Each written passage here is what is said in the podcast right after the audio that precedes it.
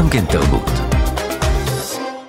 כאן מרגישים. זה שנים שגיל מרקוביץ' עוסקת באומנות, תרבות ומדע.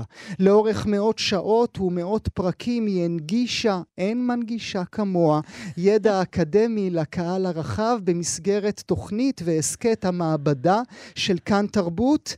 אין מי שיודעת להקשיב כמוה. אז הזמנתי אותה להגיש יחד איתי את שעת הנפש הזאת של פרויקט כאן מרגישים. גיל מרקוביץ', שלום. שלום גואל. כבוד גדול עבורי. אני ממש מסמיקה. יש לך על מה. מה ננסה להשיג בשעה הקרובה, גיל? אנחנו ננסה להשיג שני דברים עיקריים, לדעתי. האחד הוא העלאה של מודעות לנושא הזה של קשב. אנחנו הרבה פעמים חושבות וחושבים שאנחנו בקשב, אבל בעצם אנחנו באיזושהי רצון או באיזשהו דחף לדבר את עצמנו. להשמיע את עצמנו. כן, אז בתיאטרון לפעמים קוראים לזה Give and Receive. אז Give נשמע טוב, כאילו mm-hmm. אתה רוצה לתת משהו, נכון? Mm-hmm. את מה שיש לך להגיד, אבל הרבה פעמים הנתינה שלך תהיה הרבה יותר מדויקת, הרבה יותר רגישה, כשאתה תקשיב לפני. ולכן ה-receive, חשוב לא לדלג על השלב הזה. אז אנחנו ננסה קודם כל להעלות את המודעות לאיכויות של הקשב בתוך החיים האישיים של כל אחת ואחד מאיתנו, ובתוך המרחבים המאוד מגוונים שכולנו נמצאות בהם כל החיים. Mm-hmm. וגם במרחבים הציבוריים, שזה חשוב, גם עם אנשים שאנחנו לא מכירות ומכירים. Mm-hmm. והדבר השני שאנחנו ננסה לעשות זה לייצר איזשהו גירוי להתנסות אחרת במרחב, והכי חשוב, להעשיר את הדמיון האישי והחברתי שלנו. מה זה הגירוי עליו את מדברת? ברגע שיש לך מודעות לאיזשהו נושא, וזה אני יכולה להגיד לך מהמעבדה, שאפילו מודעות לחלבון המשי, למשל, mm-hmm. כל מיני דברים מוזרים שקרו בתוכנית, יצרו אצלי קשב אחר. Mm-hmm. קשב אחר לגוף, קשב אחר לזולת, אז כשאני מדברת על העלאת מודעות, אני גם מדברת על היכולת של המודעות הזאת לגרות, mm-hmm. לגרד אצלך כל מיני רגעים במציאות, אפילו דברים שאתה עושה מתוך הרגל. כולנו עושות ועושים מתוך הרגל הרבה מאוד דברים, אבל ברגע שמודעות קופצת לאיזה רמה גבוהה יותר בתוך התודעה, mm-hmm. בתוך החוויה הפנומנולוגית, ממש בגוף... זה משנה משהו. זה משנה משהו. ונדמה לי שזה מה שאנחנו עושות ועושים כאן בכאן תרבות לאורך כל השבע שנים שאנחנו uh, משדרות ומשדרים. אחרים. עצם הידע עצם ההבנה שדברים שאתה לא מכיר, שאתה לא יודע, שאתה לא מבין בהם, מתרחשים בעולם, הופכים אותך לאדם מורכב יותר, והמורכבות הזו יכולה ליצור אצלך קשב אצל אחרים. אני אוהבת את מה שאתה אומר, משום שזה מזכיר לי את המילה נוכחות. זאת נוכחות של ידע, mm-hmm. נכון? אתה משדר, אני שידרתי 500 פרקי מעבדה, והידע הזה, גם אם הוא לא פוגש אותי ממש בצורה מדויקת, או סופר מתאים למה שאני עושה ביום-יום, mm-hmm. הוא הופך להבנה שלי את העולם, ואני קיימת בעולם במובן הזה שהעולם הוא חלק ממני ואני חלק ממנו. ואז, כמו שאתה אומר, mm-hmm. זה ממרכב את התמונה. Mm-hmm. אני יכולה לדעת שעוד דבר קיים, אני יכולה לראות את עצמי באור אחר, אני יכולה לחשוב או להרהר או לדמיין מורכבויות או שכבות שהן עוד לא, אני עוד לא ממוללת אותן, הן עוד לא נגישות לי, אבל אני מתחילה לדמיין אותן. יבוא הרגע שתצטרכו את הרגע עצמו. יבוא הרגע שתצטרכו את פיסת הידע הלא חשובה על אותם פרפרים שחיים איפשהו, כדי להבין משהו מורכב יותר. ואני חושב שהמורכבות הזאת שעליה את מדברת, היא בדיוק זו שחסרה בציבוריות הישראלית בשנים האחרונות. אנחנו הפכנו כולנו לפוש בטלפון הנייד. אנחנו רואים את הכותרת כולה, אנחנו כבר יודעים הכל אודותיה, אפילו לא טרחנו ללחוץ על הקישור. קשה לי לשמוע את מה שאתה אומר, ונשמתי עמוק mm-hmm. עכשיו. ואני רוצה לדבר על הקשבה בשלושה רבדים לפחות, שזה איזשהו מודל שנהגה ב-MIT, במעבדה בשם מעבדת ה-U, U-Lab. והם מדברים על הקשבה בשלוש רמות לפחות, או לפחות בשלושה ערוצים. וזה הקשבה לעצמי, שאנחנו נדבר עליה הרבה mm-hmm. בשעה הקרובה, mm-hmm. וגם הקשבה לזולת, וגם הקשבה לסביבה. Mm. ולסביבה זה נשמע לנו אולי איזה היפי, אבל כן. זה ממש לא היפי. Mm-hmm. כולנו יצורים שנוצרו בביוספירה הזאת. אנחנו מתבססים או תלויים בעצים, בפרחים, באחר, באחרת, שאנחנו פוגשות ופוגשים כל הזמן. השידור הזה לא היה קורה בלי כל מי שמייצר את השידור mm-hmm. הזה, וזה לא רק האורחים שנותנים להם קרדיט בסוף, או המפיקות, או ה... זה, זה כולם. Mm-hmm. זה אנשי הניקיון ואנשי האדם מסביב, ובעצם יש כאן איזה ecosystem, והקשב מזמין אותנו להביט ל ecosystem mm. בעיניים. ומבחינתי זה אומר גם איך אני קוראת את העיתון, mm-hmm. ומה אני לומדת ממנו, ואיך אני ניגשת לכיתה, ואיך אני נכנסת לשידור, והכול. אני רוצה אבל אולי לספר לך סיפורון קצרצר. לכי על זה. כשהתחלתי להגיש את המעבדה, קיבלתי הרבה מאוד פניות לפניות הציבור של התאגיד כאן, mm-hmm. של תאגיד השידור, וגם למייל של התאגיד, ואנשים שאני לא מכירה. כתבו לי כל מיני דברים, שאלו שאלות, העירו הערות, מי זאת הבחורה הזאת, היה להם הערות על הצחוק שלי. למה היא צוחקת כל הזמן? נכון. הם כל הזמן, הם כאילו לא מצליחים להבין למה אנחנו צוחקים, או איך יכול להיות גם לדבר על פילוסופים מהמאה ה-14 וגם לצחוק עם נועה קירל ולרקוד איתה במקלחת. כאילו, אנשים לא מצליחים לגשר על הפער הזה. כל הזמן שמעתי את ההערות הללו, אבל הערה אחת חזרה על עצמה, גם בתחילת דרכי, גם בסופה, כל הזמן, והיא הייתה הדבר הבא שהפיל אותי מהכיסא בכל פעם שקראתי אותו.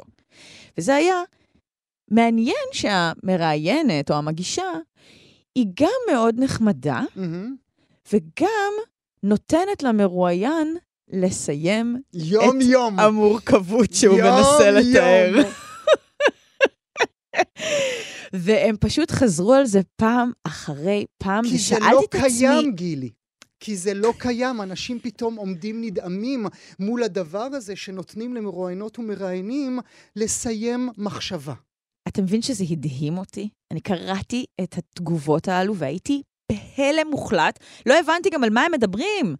וחשבתי לעצמי, אני לא מבינה את זה, אני, אני חייבת שהוא יסיים את הדבר המורכב שהוא רוצה להגיד, המרואיין שלי. אני חייבת לתת לאורחת שלי לסיים לדבר, כדי שאני אוכל להקשיב לה, ורק אז לראות אם השאלה שבכלל כתובה לי על הדף רלוונטית, ואולי בכלל לא רלוונטית. והיא בדרך כלל לא, לא רלוונטית. רלוונטית, נכון.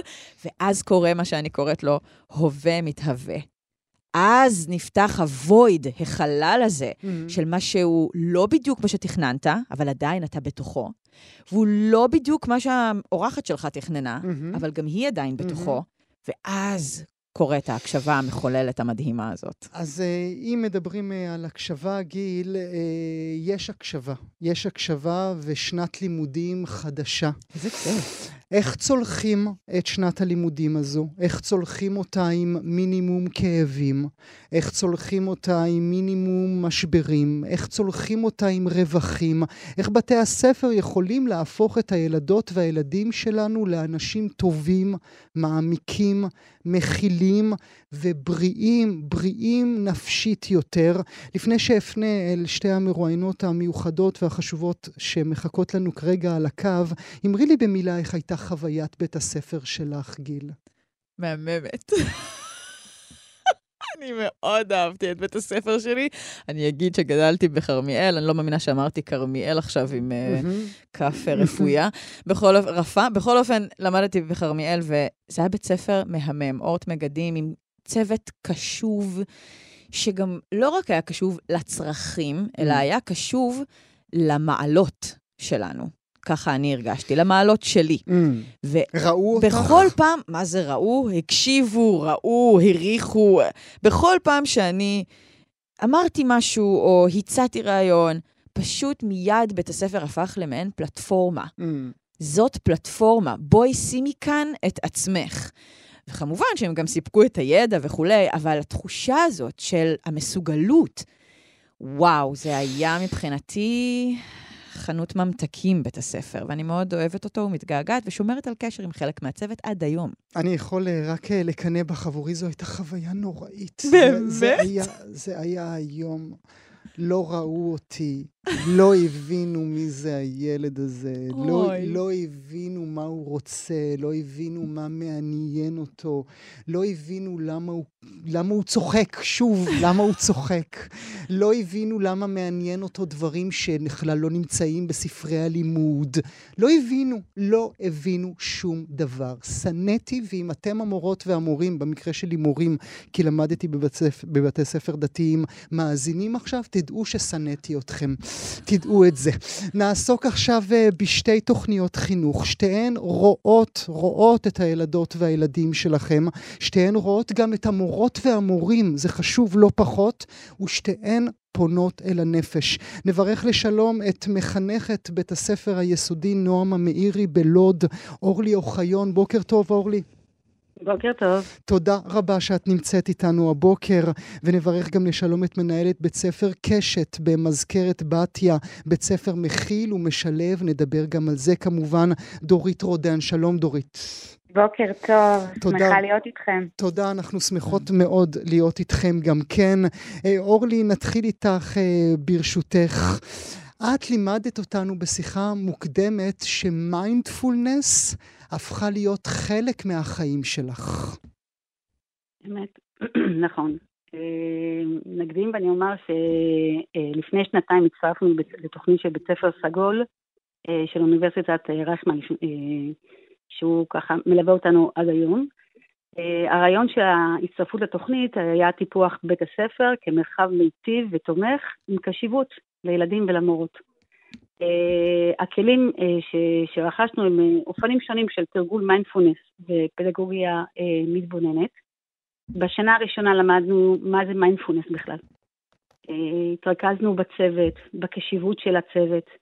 מיינדפולנס uh, uh, זה לשים לב מה קורה ברגע, ברגע הזה. מה קורה לא בגוף? שיפוטי. מה קורה בגוף? מה קורה לי עכשיו? כן, באופן לא שיפוטי. לא, לא רק בגוף, גם מה קורה עכשיו? הרבה פעמים אנחנו נמצאים ב... אה, אנחנו נמצאים על אוטומט. כמה פעמים אני מוצאת את עצמי נוסעת הביתה, ווואי, הגעתי הביתה ולא שמתי לב. לא שמתי לב שעברתי רמזורים, לא שמתי לב ש... אה, שבכלל ראיתי אנשים. אנחנו נמצאים כל הזמן על אוטומט, ו... כן. וזה קורה לנו לאו דווקא בנסיעה, בהרבה דברים שאנחנו מקבלים את זה כמובן מאליו, כי זה משהו שחוזר על עצמו כל יום. ופה אנחנו למדנו לעצור, להתבונן, לראות באמת מה נמצא, מה, מה עכשיו, סוג של הסתכלות ממבט של מעוף ציפור קצת, mm. ו- ולחיות את זה, ולראות את, את הכאן ועכשיו. הכאן ועכשיו הזה גם מחייב איזושהי השהיה של הפרשנות. את אומרת את המילה החשובה נכון. התבוננות. נכון. וזה לפני, אנחנו הרבה פעמים מחברות נורא מהר את ההתבוננות עם הפרשנות. נכון, ו... נכון. קודם כל להצהיר, למדנו לעצור. לעצור ולהתבונן. מה קורה לי, מה אני מרגישה. אה, את אמרת מקודם על ההתבוננות הפנימית. יש לנו, אה, באמת, אנחנו אה, מתרגלות קודם כל באופן אישי, עם עצמי. Mm-hmm. מה קורה איתי, ואחר כך אנחנו יוצאים החוצה עם זה. את דיברת על... עם, הסביב, עם, ה, עם החוץ ואחר כך עם הקהילה. אז בתרגולים עם התלמידות באמת זה, יש להם משהו פרטני עם עצמם, אחר כך הן עושות את זה בדואט עם עוד ילדה, mm-hmm. ואחר כך אנחנו מתרגלות את זה באופן שיתופי עם הקהילה, עם התלמידות כולן. זה, זה, זה, הבית ספר עליו אנחנו מדברים, אה, נועם המאירי בלוד, הוא בית ספר ממלכתי-דתי של בנות. האם זה בכלל חלק מההוויה שלהם? כי אומרים מיינדפולנס, זה נשמע כמו משהו כזה שאנשים שמאזינים להסכתים עוסקים, וזאת ההתאמות שלי להגיד לכם, יש לנו הסכת מיינדפולנס מושלם בכאן הסכתים, כדאי שתאזינו לו. אבל איך אין התלמידות וה, וההורים שלהם והבתים שלהם קיבלו בכלל את המילה הזו או את העיסוק במילה הזאת? אמ, אז ככה, בשנה השנייה, כשבאמת הוצאנו את זה לתרגול הכיתות, התחלנו שכל אה, שעה שלישית, תחילת השעה השלישית אחרי ההפסקה, אה, הבנות נכנסו לכיתה, ואז היה איזושהי מנגינה שליוותה את, ה, את התחילה של תרגול. כל יום בשעה עשר ורבע היה תרגול של מיינדפולנס, וכל מורה שנמצאת בשעה הזאת הייתה מתרגלת עם הבנות, שזה אה, נשימות, וזה התבוננות פנימה, זה עצירה לפני כן, איך אני מרגישה, כל מיני תרגילים ש, שציידנו בתחילת השנה את, אה, את המורות במניפה, מניפה של תרגולים שכל mm. דף פשוט לא צריך אה, להמציא את הגלגל, הבאנו להם, קראנו לזה הפוגות סגולות, ויש כל מיני פעילויות ממש פשוטות לשיתוף, לשילוב המיינדפולנס במרחב mm-hmm. הכיתתי. אני יודע... ואז המורה מקריאה את זה ומתרגלת עם התלמידות, אם זה נשימה, ואם זה עצירה, ואם זה אה, אה, להכיר מה התחושה שלי כרגע, מי יושב אצלי, אנחנו קוראים לזה מי יושב אצלי כרגע בסלון. איזה, איזה סוג של, של רגש יושב לי. ועם זה אנחנו נמשיך קדימה. איזה ניסוח חמוד. אני, אני בעוד אה, רגע אשאל אותך, אה, ברשותך, איך זה שינה אותך כאדם, איך זה שינה אותך כמורה ואיך זה שינה גם את, את התלמידות. אבל עוד לפני כן, איך הייתה חוויית בית הספר שלך באופן אישי? או, אני מתחברת, אה, לא, אני לא אתחבר עם. את בצד שלי, תודי, תודי, לא, לא, לא תודי. אני רוצה להגיד שבעבר היחס של מורה תלמיד היה מאוד מאוד עם דיסטנס. אה, אני זוכרת שפעם אני בכיתה ה' הצלחתי, לא הצלחתי, לא ניסיתי אפילו, אבל הצחקתי את המורה שלי והיא כאילו צחקה, כאילו, סיפרתי משהו שהיה מאוד מאוד משעשע, ואז היא צחקה ואספה את עצמה מיד ושמה לעצמה את המסכה של קשיחות. כאילו, זה, זה לא זה. הם לא הגיעו אלינו כפי שאתה אמרת מקודם. לא היה מצב של אה, אה, מורה תלמיד שביחס יותר מקרב, יותר מקשיב, mm-hmm. יותר נמצא, היה יותר להעביר את החומר, תלמדו, תיבחנו. ותעשו מה שאנחנו בעידן, אומרים לכם. בדיוק, אנחנו היום בעידן אחר, יש היום המון המון קשיבות לתלמידות, באמת לראות מעבר למה שצריך, לשמוע איפה היא נמצאת, מה היא רוצה, מה קורה איתה. נשים אה, נקודה ברשותך. אני רוצה לצרף אלינו את, אה, כמו שאמרתי, דורית רודן, מנהלת בית ספר קשת במזכרת בתיה, בית ספר מכיל ומשלב. דורית, שוב, תודה שאת נמצאת עם אה, גיל ואיתי. מהי ההכלה ומהו השילוב אה, שמתקיים אצלכם בבית הספר? אז בוקר טוב. באמת הבית ספר שלנו זה בית ספר משלב ומכיל. זה בעצם בית ספר שבעיניי הוא בשורה, אני רגע חייבת להגיד בתקופה הזאת, בטח במדינת ישראל. בית ספר שלומדים בו ילדים מכל הזהויות, דתיים וחילונים ומסורתיים, וילדים עם כל הצרכים, ילדים עם צרכים מיוחדים, וילדים עם מגוון רחב, מגיע, מגיעים מאוכלוסיות שונות, וביחד אנחנו בעצם מנסים באמת לקיים את התפיסת הכלה. גילה, דיברת מקודם על מורכבות. מה זה השפה הזאת של מורכבות? רגע, איך אני מקיימת עולם שבו רגע ההפוך ממני, הזהות ההפוכה ממני, או בכלל הילד עם צורך מאוד מאוד שונה ממני, קיים בתוך הכיתה. אני חושבת שהתפיסה שרגע צריך להבין אותה בכל התהליך הזה, זה שהסיפור הוא רגע איך, אני, איך המערכת הולכת להתאים את עצמה לתלמידים, ולא הפוך. בדרך כלל מה שקורה זה שהתלמיד צריך להתאים את עצמו למערכת. כן. תפיסת ההכלה זה תפיסת כולם מיוחדים, כולם שותפים. המגוון, השונות הזאת שדיברנו, זה בעצם נכס. זה רגע מקום שמעשיר אחד את השני. תס, תסבירי זה, את זה נקודת יושב... הנכס. מה, מה, מה, מה זה אומר? אני כן. רוצה גם להתחבר בדיוק למה שאתה שואל. אני אגיד שהתפיסה יושבת על משפט פשוט של שונה אך שווה. בדיוק. וזה אומר שגם השונות בינינו לא מייצרת איזשהו מדרג ערכי אחר, mm. ולכולנו יש נקודות כל כך שונות שמהן הגענו, ועדיין נרצה ללמוד X או לרכוש חברות וחברים, עדיין נרצה להשיג איזה שהם הישגים מהמערכת הזאת שאנחנו נמצאות בה הרבה מאוד שעות ביום. ו... יותר מזה אפילו, גיל. כן, תגידי. זה אומר, לא רק שזה, אני, זה אומר, אני רוצה להרוויח מזה. כן. השונות הזאת היא חגיגה, זה הסיפור מעלה, בו. נכון. היא, היא מעלה ענקית, ורגע כל אחד, בזכות השונות הזאת, מתחדד בעצמו. וזה הסיפור רגע של כיתה. כי מה? אני, אני רוצה שבאמת ת, ת, תפשטי לי את זה לכדי משהו שיושב לי כאן על השולחן בין גיל לביני. מה אני מרוויח כשיושב לידי אה, תלמידה או תלמיד עם צרכים מיוחדים, עם אמונות אחרות, עם בית אחר? אני, אני מרוויח קודם כל שפה אחרת. שפה רגשית, דיברנו על רגע איך זה קורה, מה קורה. אני מייצר פה שפה שאני מבין שיש פה רגע רגישות, יש פה צורך של אחר. הילדים שלנו רגע לומדים שקבלת האחר זה לא עוד מושג רגע שהוא חיצוני ואיזה שמשהו, רגע אני לומד שהילד שלידי הוא כרגע צריך אוזניות, כי קשה לו מאוד לשמוע את הווליום של הזה, והוא צריך רגע משהו קצת יותר נמוך. והילדה הזאת היא רגע קצת יותר קשה לה אה, במציאות, כי רגע ההורים שלה התגרשו, וכרגע היא צריכה את החיבוק על הבוקר, וזאת הדרך שלנו רגע לפתוח את המפגש, את החיבוק, וכולם מקבלים חיבוק, כי כולם רוצים. יש פה איזושהי אה, רגישות שמתפתחת בתוך התהליך הזה, וגורמת לילדים לזהות את הצרכים השונים שנמצאים מסביב, ורגע לה, להטמיע אותם בתוך החיים שלהם. הרבה פעמים אני מסתכלת רגע על הבוגרים שלי, איך הבוגרים שלי יוצאים, מה ההמשכיות של תוך הדבר הזה. אבל אני לפני כן רוצה רגע להגיד שכל... זאת אומרת, הם הופכים לאנשים טובים יותר, לבני אדם טובים יותר? בהחלט. אני יכולה להגיד לך שבמפגשי בר ובת מצווה יצא לנו להיפגש עם הרבה קבוצות של בתי ספר. ויוצא לי ככה לבחון מהצד את סוגי התלמידים, את, סוגי, את השיח בכלל. השיח היום, שיח נורא נורא קשה, הרבה פעמים בקרב הנוער. לא מסכים, לא רוצה, לא, לא מוכנים, איך אמרתם? לא מוכנים לשמוע עד סוף הריאיון את המשפט. אני רואה את זה פה, כבר בהתחלה שזה צץ. ופה אתה רואה רגע ילדים שהכלים שנתנו להם, הבית מדרש שהפך להיות פה רגע המקום המרכזי בשונות, זה בסדר שאנחנו לא נסכים, להפך, mm. אני רוצה לשמוע את הדעה שלך, אני רוצה שתשאיר אותי בתוך המקום הזה, ורגע, איך אנחנו מייצרים פה משהו משותף ש... אבל, אבל, אבל זה אומר שאנחנו משאירים את תוכנית הלימודים בצד, שאנחנו, שאנחנו לא. שמים אה, ממש ראשון לא. במעלה את האדם מעבר לחומר? היא רק מודגשת יותר, בדיוק. יש, ויש לה רק יותר קשב ואפשרות. בדיוק. גואל, אני, אני באתי מהחוויה שלך.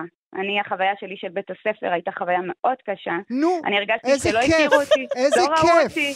לגמרי, צריך לא לצאת ראו... מהארון, חברים, להגיד? שבית ספר זה מקום שיכול להיות היום, הוא יכול להיות היום, לדרוס ולרמוס ולחמוס נפש שלמה של ילדות וילדים שלא רואים אותם, משאירים אותם בצד, אומרים להם שהם לא טובים מספיק. וגואל הוא יכול היום, זה, זה הרשת שלנו, זה המקום שלנו היום לש, לעשות את התיקון הזה. אם אני כילדה הרגשתי שלא ראו אותי ולא הצליחו לפענח רגע את הסקרנות שלי, את הלמידה, את המעבר, יש פה בית ספר שמכריז על פדגוגיה שונה. יש פה כיתות קטנות יותר של 27 תלמידים בכיתה, יש פה מספר אנשי צוות, יש פה חשיבה ענקית על איך אני מייצר פדגוגיה מכילה ואני רוצה, זה, זה ככה חשוב לי, יש לנו המון סוגים של ילדים בתוך הכיתה, ילד שמתחבר לסגנון חזותי, ילד שמתחבר לסגנון שמיעתי, ילד שכל הסיפור שלו הוא תחושתי בכלל, הוא צריך משהו לגעת בו, אתה מכיר את הילדים עם הפלסטלינה, עם הכדור, עם, הזה, עם ההתעסקויות, עם החותמות, Mm. וכל הדבר הזה, יש כל כך הרבה סוגים של ילדים, ורגע באה פדגוגיה אחרת בתוך התפיסה של המשלב והמכיל ואומרת, רגע, אפשר לקחת שיעור אה, ספרות, עברית, מתמטיקה, ולהפוך אותו לחגיגה. אפשר לקחת את הטקסט הזה ולהפוך אותו לרלוונטי אליי. ומה, אתה יודע מה? ואפשר לעשות את זה בקבוצות קטנות, כדי שרגע יהיו ילדים, מספר מועט יותר של ילדים, הרבה יותר אנשי צוות שמגיעים לתוך הילדים האלה. החשיבה של איך אני מתאימה את השיעור שלי. אני, אני דיברתם רגע... אבל למה, אבל למה זה מעציב? אני אוקיי, רוצה בבקשה, להגיד גילי. למה, אני רוצה רגע ואז אני אגיד להדגיש למה כאן אני משהו. מתעצבן מכל השיחה הזאת. כן, גילי. מה, מה? לא שמעתי. למה הוא. מתעצבן מכל השיחה? אני רוצה להדגיש את, ה, את המושג הזה שהעלית של חגיגה. קודם כל, המטאפורה הראשונה שעולה לי כשאת מדברת על המגוון שנמצא בכיתה, ועל היכולת לחוש את המגוון, להכיר במגוון, לחוות את המגוון. המטאפורה הראשונה שעולה לי זה יער טרופי סבוך, מלא ביצורים שונים אלה מאלה, שאחד מזין את השני, Mm. האחד עושה רעש כזה, והשני סוחב על הגב איזה משהו שהעלה ההוא צריך. אני בכוונה כאן מדברת Mhm. באיזה מטאפורה מאוד סבוכה. ומה שמצליחות לעשות בשיטות האלה של החינוך, גם עם ההגברה של הקשיבות וגם ברשת בתי הספר של אינקלו, זה שאנחנו מצליחות להנכיח כל הזמן פרספקטיבה אחרת מזאת שאני מגיעה איתה. מהמם. תחשוב. שיום-יום Mm. אתה רואה אתה רואה, פרספקטיבה זה כאן, אחרת. זה שם, לידך. בדיוק, ואז מה שקורה זה שאתה, המוח שלך, הפלסטי, תודה שהוא פלסטי, גמיש ואפשרי לשינוי, המוח שלך פשוט מתרגל, הוא מתחיל להבין שאיך שאתה רואה את הדברים, זה רק דרך אחת. ולהבין את הדבר הזה, תנסה רגע להיזכר, מהמם. מתי הבנת את הדבר הזה מהמם. בחייך שלך? מהמם. אני הבנתי את זה מאוחר. מהמם. אני הבנתי מאוחר שלא כל הבתים נקיים כמו שאימא שלי אוהבת לנקות, Mm. ולא כל האבות אוהבים לטייל בדרום אמריקה Mhm. כשאפשר. וכשאתה יושב כל יום עם ילד, כמו שדורית תיארה, שצריך משהו סנסורי, או ילד שצריך אה, איזושהי חוויה חזותית, אז קורה הקסם אז- של הרחבת התודעה וההתנהגות. לצערי, אנחנו uh, צריכות לעבור אל הנושא הבא שלנו, אבל אורלי, אני רוצה דווקא, בראי השיחה המאוד מעניינת שקיימנו איתך ועם uh, דורית, אני מתרגז בשם uh, שאר תלמידות ותלמידי ישראל. כי לא לכולם יש את האפשרות, את ההזדמנות, את היכולת לקבל את דורית כמנהלת ואותך כמורה. לא לכולם יש uh, שיעורי מיינדפולנס בכיתה.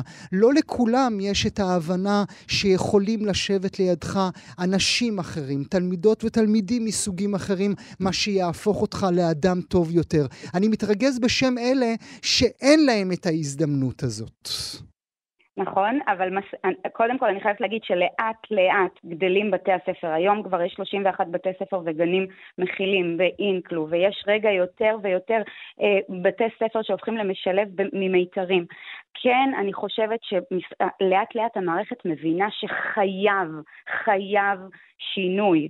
המערכת לא יכולה להמשיך בדרך שהיא נמצאת, וחייבים לראות את הילד, ואת יודעת, אבל חשוב לי רגע לציין, זה לא רק הילד, זה הילד והצוות וההורים, כן. זה כל באי בוודאי, אנחנו רואים את זה עם אורלי דרך אגב, העובדה שהמורות בריאות יותר, כן. זה באופן טבעי הופך את התלמידים. אז מילה אז לסיום שלך, כן. אורלי. אני רוצה רק באמת להוסיף, זה לא רק אה, נשאר במסגרת של תלמידות ומורות, זה, יש לזה אדוות גם החוצה, אנחנו עושים המון המון פעילויות של...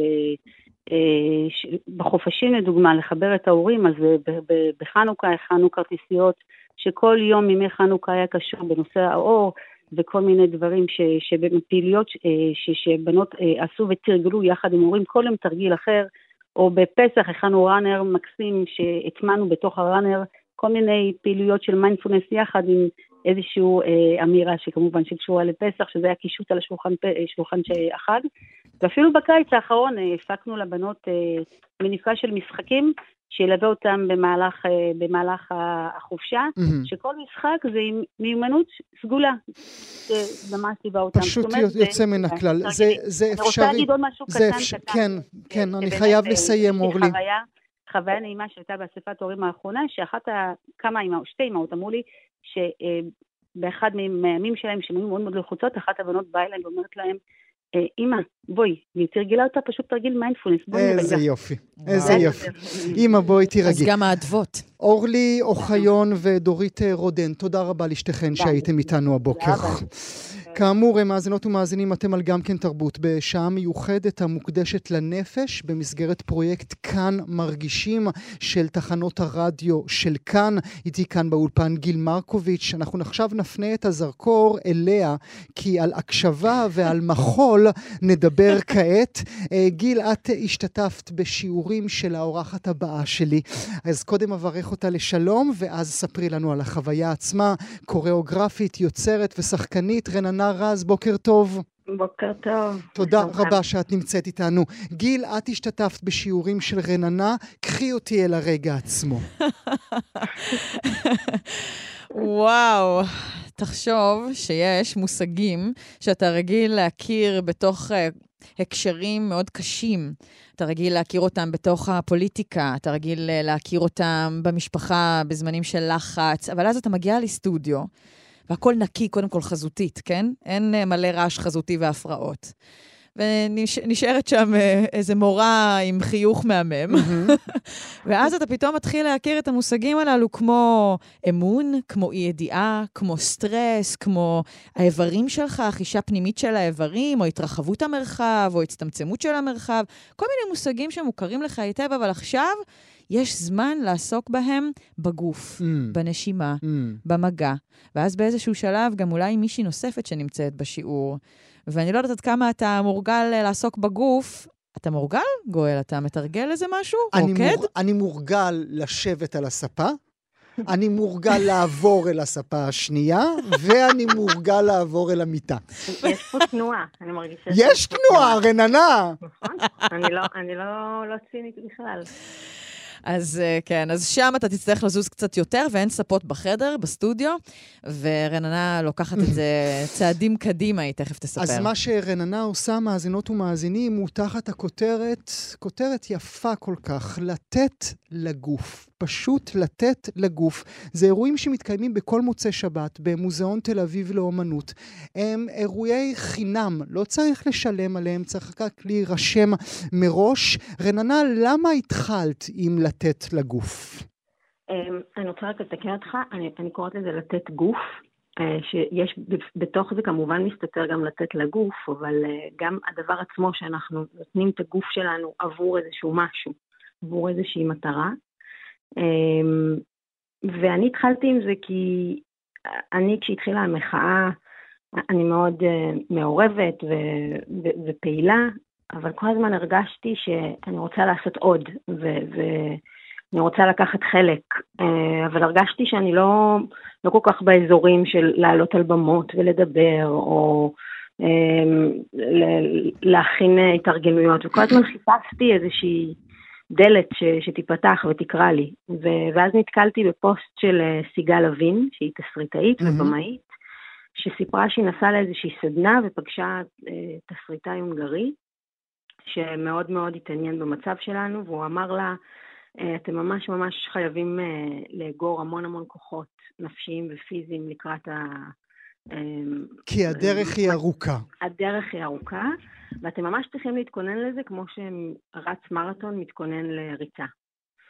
ו- וכשקראתי את השורות האלו, פתאום הרגשתי שנפתחה לי דלת ואמרתי, הנה, את זה אני יודעת לעשות. אני יודעת מה זה אומר אה, לרוץ למרחקים ארוכים, אני יודעת מה זה סבלנות, אני יודעת מה זה אומר שהגוף, אפשר להטעין את הנפש שלנו דרך הגוף, ואפשר אה, לפרוק באמצעות הגוף. ואמרתי, אני מרגישה שפה זה, זה המקום שאני יכולה לתרום למאבק הזה, שאני גם חושבת שמה שמאוד מיוחד בו זה ש... הוא, הוא, הוא הרבה יותר דומה לרשת של קורי עכביש מאשר mm-hmm. לאיזושהי פירמידה, mm-hmm. ואז כל אחד עושה פשוט את, ה, את הדבר שלו בתוך המאבק, והרגשתי שזה המאבק שלי. אבל, אבל את מדברת על סטמינה, רננה? את מדברת על עמידות? לא, לא, לא. חס... כשאני אומרת לרוץ את... למרחקים ארוכים, אני לא מתכוונת באמת לפעולה של לרוץ, אני, אני מתכוונת אמ, לשים לב לקשר הזה בין גוף לנפש, ואיך כל מה שקורה לנו בחוץ מצטבר בתוך הכלי הזה, mm. שהוא הגוף שלנו, mm. ואם נכיר אותו ונדע לעבוד איתו, אז הוא גם הגאולה שלנו, כי הוא יכול פשוט אה, לעזור לנו להיפטר מהדברים האלו, או בשלב הרבה יותר אה, משוכלל, להטמיר אותם לאנרגיות אה, אחרות. רננה, אני מרגישה שיש סיכוי טוב שהרבה מאזינות ומאזינים שואלים את עצמם עכשיו, מה רקדנית מבינה בזה? למה זה קשור לפריקה, לטעינה, ל...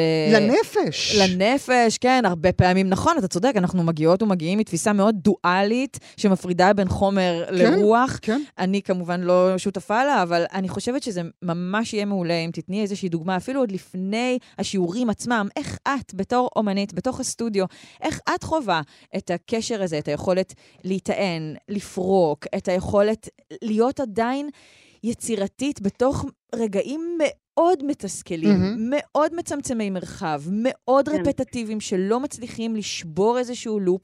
איך את uh, חווה את זה?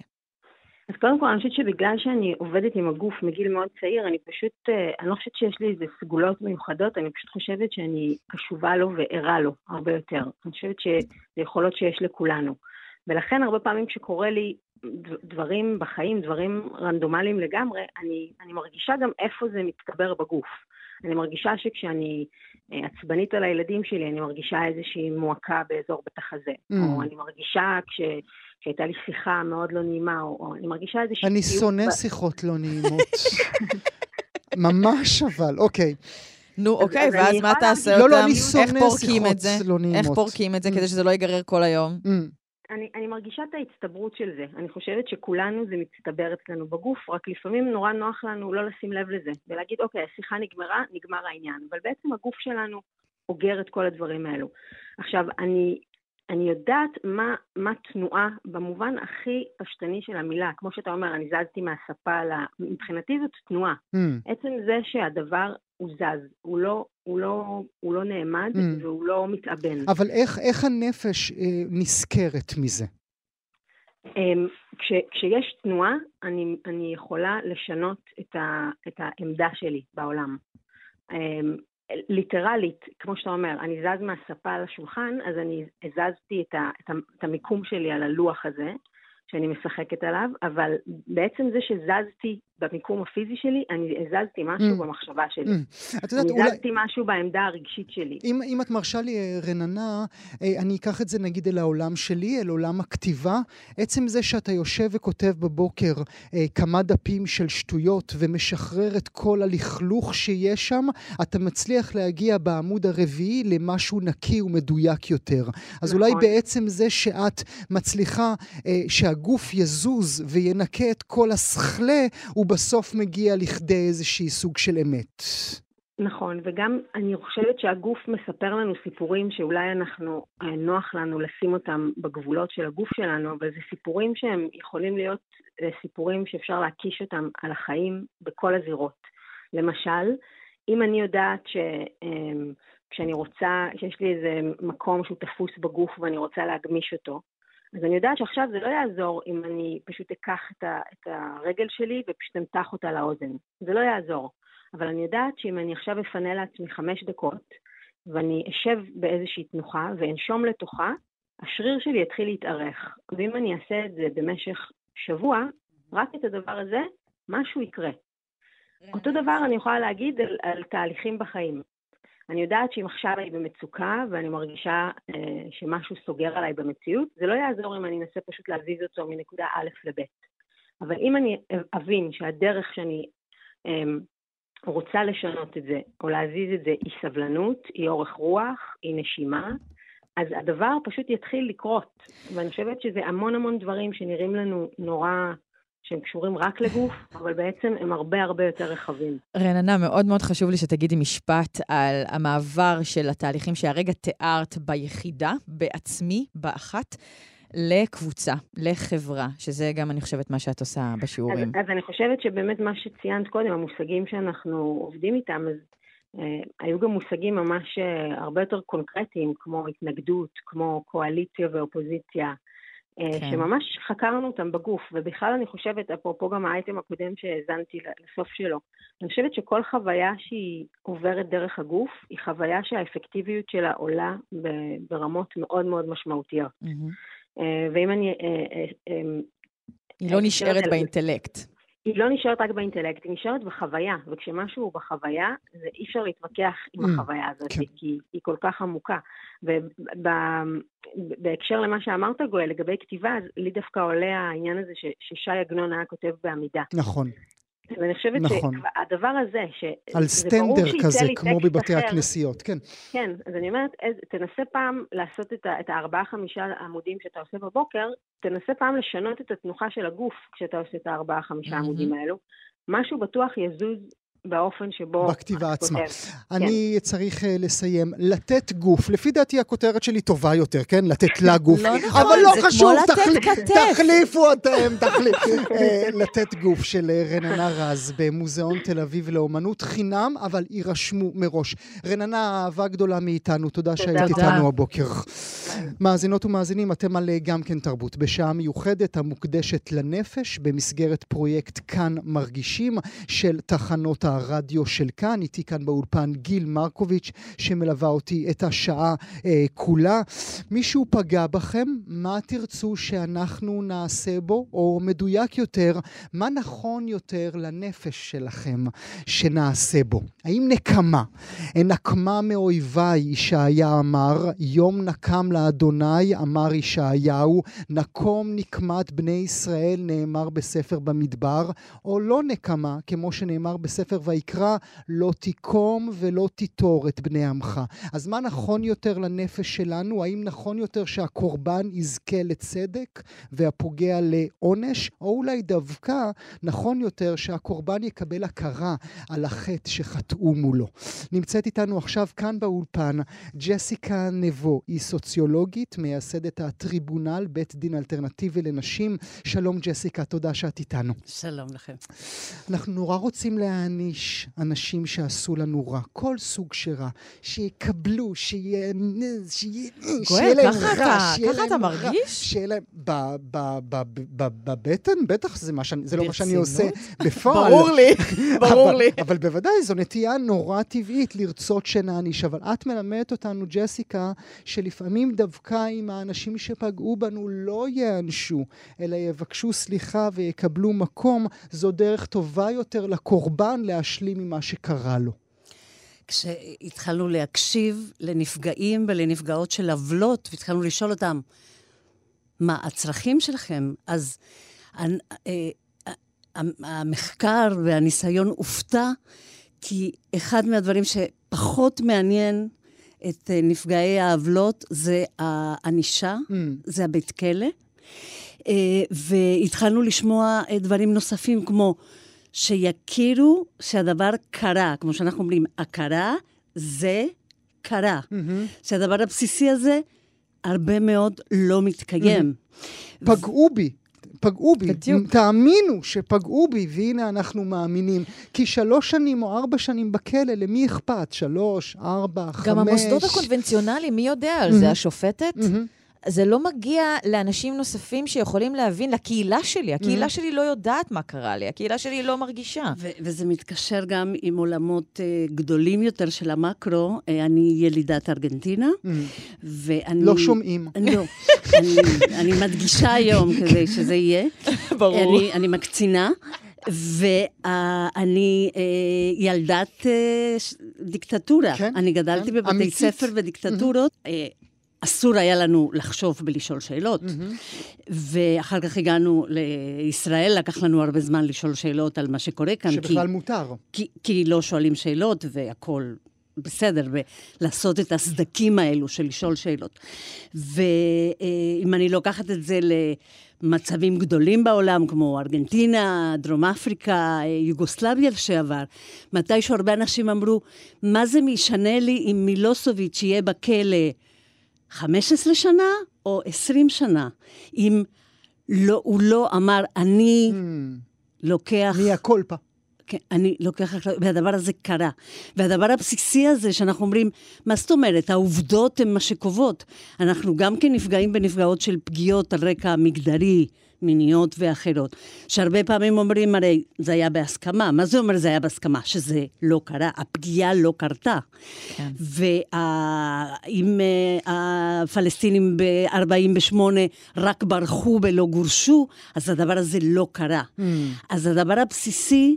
שצריך לקרות בתהליכים של צדק מאחה, mm. שיש מודלים בפרקטיקות שונות, כדי לזמן פוגע או פוגעים, זה שהבן אדם יודע שזה קרה. אפילו אנחנו לא דורשים, וזה קרה גם בדרום אפריקה, mm-hmm. בוועדות האמת והפיוס. אמת והצדק, כן.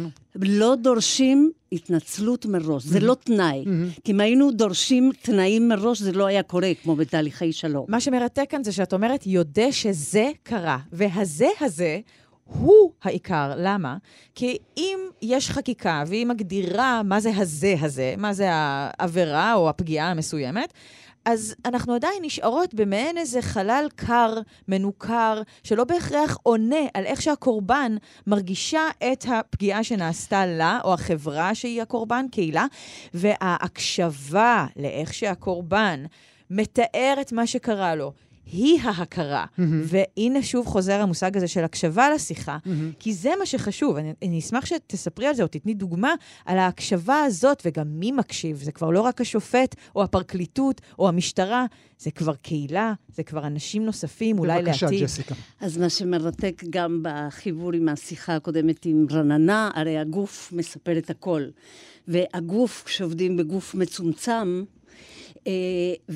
ובריקוד ובתנועה, נכון? האנשי מקצוע ומטפלים מנסים להרחיב את התנועות של הגוף כדי להרחיב את הרגשות.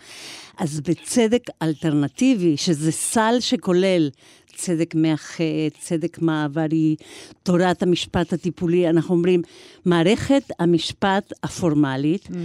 זה אופציה אחת. קודם כל, שהמדינה לקחה על עצמה להגיד לפוגע. Mm-hmm. אני הולך להעניש את הפוגע הזה בדרך שאני רוצה, וצריך להוכיח בראיות, ומשהו שם לא מסתדר. בגלל זה אנשים בכל העולם, בעיקר ב... 30 שנה האחרונות, כולל הפרויקט שאני הקמתי, הטריבונל. אנחנו מרחיבים את ההגדרה של צדק בהקשבה, בקשב mm-hmm. לנפגעים mm-hmm. ולקורבנות. על. מה שהם רוצים. כן, זה פלטפורמה של צדק, בית דין של צדק ממוקד נפגעים בנפגעות. Mm-hmm. בגלל זה הטריבונל, אנחנו קבוצה של נפגעות, פגיעות על רקע מגדרי, ואנחנו מנהלות את הטריבונל, ואין לנו מנדט, כאילו, לא להיבהל, אנחנו לא הולכים ברחוב כן, כן, מיליציות, כן, ו... כן. עדיין אין לנו מנדט, אנחנו מנסות לאתגר את המערכת ולהראות שאפשר לעשות אחרת. תגידי אז לי, תני מה לנו זה דוגמה עושה... לאחרת. מה זה עושה לנפש? מה זה עושה לנפש כאשר אדם עומד ואומר, עשו לי משהו רע? מדוע הנפש שלו הופכת בריאה יותר מאשר כשאותו נפגע ממש, באותו מקרה ממש, הצליח לשלוח את החוטא אליו לכלא? אני רוצה להמשיך עם העניין של תהליכים מקבילים. כמו שבחדר הטיפול, כשאנחנו הולכים לתרפיה, וארגנטינאים אנחנו מנוסים כולנו, גם מטפלים וגם מטופלים, mm. בעיקר אה, בפסיכואנליזה, אז בחדר הטיפול, הדבר הבסיסי שמתקיים זה הקשב. Mm-hmm. אנחנו הולכים כי המטפל גם... מאמין לנו בטיפול מיטיב, מאמין לנו ומקשיב, והדבר הזה קורה בחדר הטיפול בארבע אה, קירות, ושאנחנו אומרים גם כשפותחים את הקיר הרביעי, הדבר הזה מתקיים בחברה. ובפלטפורמות של צדק אלטרנטיבי אנחנו מרחיבים את החדר הטיפול, ואנחנו קהילה מאמינה, hmm. מקשיבה, שלוקחת אחריות, ואנחנו בטריבונל אומרות, הרי אתם יודעים ש-0.0008 אחוז רק מהתלונות על רקע מגדרי הופכים אולי mm-hmm. לכתב אישום. Mm-hmm. כל האחרות, שזה הנשים, mm-hmm. אה, כרגע נשים, ואנחנו נרחיב גם לגברים, אה, ומגדרים אה, שונים שמקבלים מענה, אנחנו אומרים, תבואו, אל תישארו לבד עם המקלדת בבית ותכתבו רק מיטו, mm-hmm. תבואו לקהילה שמאמינה, ושלעמוד על דוכן ולהגיד, זה קרה לי, mm-hmm. ושלא שואלים אותך את השאלות שמערערים בוודאי, על מה בוודאי. שאתה אומר. זה, זה צעד כמובן מאוד חשוב לבריאות הנפש עליה, אנחנו מדברים לאורך השעה כולה, ואפילו, ג'סיקה, את מלמדת אותנו שאפילו לא צריך את החוטא בחדר. נכון. לא צריך את האדם, היא לא צריכה להצביע, אנחנו לא צריכים להצביע על. נכון, כי זה מצמצם וזה גם מפחיד, גם אה, בגלל תביעות דיבה, mm-hmm. וגם אני לא רוצה להיפגש איתו, וגם מבחינה חוקית, כל מיני דברים. קודם כל, אנחנו אומרים, יש הרבה מעגלים אחראים לפגיעה שהם לא רק הפוגע הישיר. Mm-hmm. ואת המעגלים האלו אנחנו כן מזמינים. אנחנו מזמינים את הנציגה של משרד הבריאות, mm-hmm. על נפגעת שהגישה תביעת צדק בטריבונל, כי נשים אמרו לנו בטריבונל, אני לא עדה, אני לא רוצה להציג את העדות שלי. עדות זה משהו שקורה מחוצה אליי, כמו שאני עדה לתאונת דרכים, mm-hmm, mm-hmm. ואני מספרת, אנחנו מגישות בטריבונל תביעת צדק בתלונות אלטרנטיביות.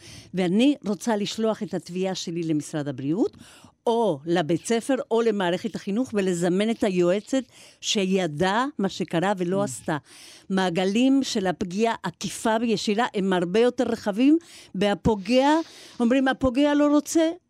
זה בסדר. בסדר. זה אולי, אולי אפילו עדיף. כן, לא צריך להיפגע אולי עוד פעם. וזה הופך את הנפש לבריאה. יותר מילת סיום שלך, גיל. אני רוצה לצייר כאן את הקו שאני חווה ורואה שקרה מהאייטם הראשון עם, uh, בהקשרים של משרד החינוך ושנת הלימודים, אל מה שג'סיקה כרגע מביאה אלינו. דיברנו והעלינו את המושג מגוון. מגוון, תראה איך מגוון פרספקטיבות יוצר mm-hmm.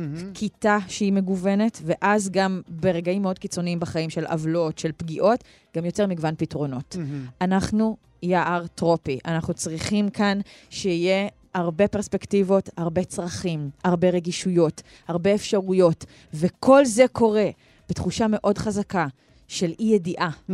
ולכן צריך לתרגל את הדבר הזה, כדי שנבנה אמון ונצליח להכיל את המגוון הזה שיש בחברה, שיש בכיתה, שיש בפוליטיקה, שיש כאן אפילו בחדר הקטן של האולפן הזה, ושנעשה ונצליח.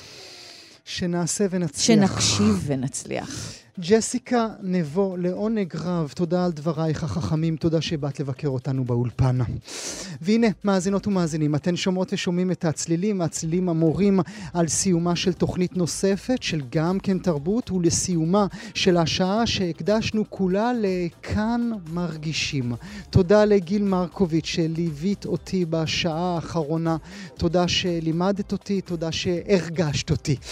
נזמין אתכם כמובן, מאזינות ומאזינים, להיכנס לאתר באתר כאן, שם תוכלו למצוא את מתחם כאן מרגישים ולהאזין להסכתים, לתוכניות המיוחדות, לתוכניות השיח והמוסיקה, שכולם כולם אמורים לגרום לכם גם לחשוב וגם להרגיש טוב יותר.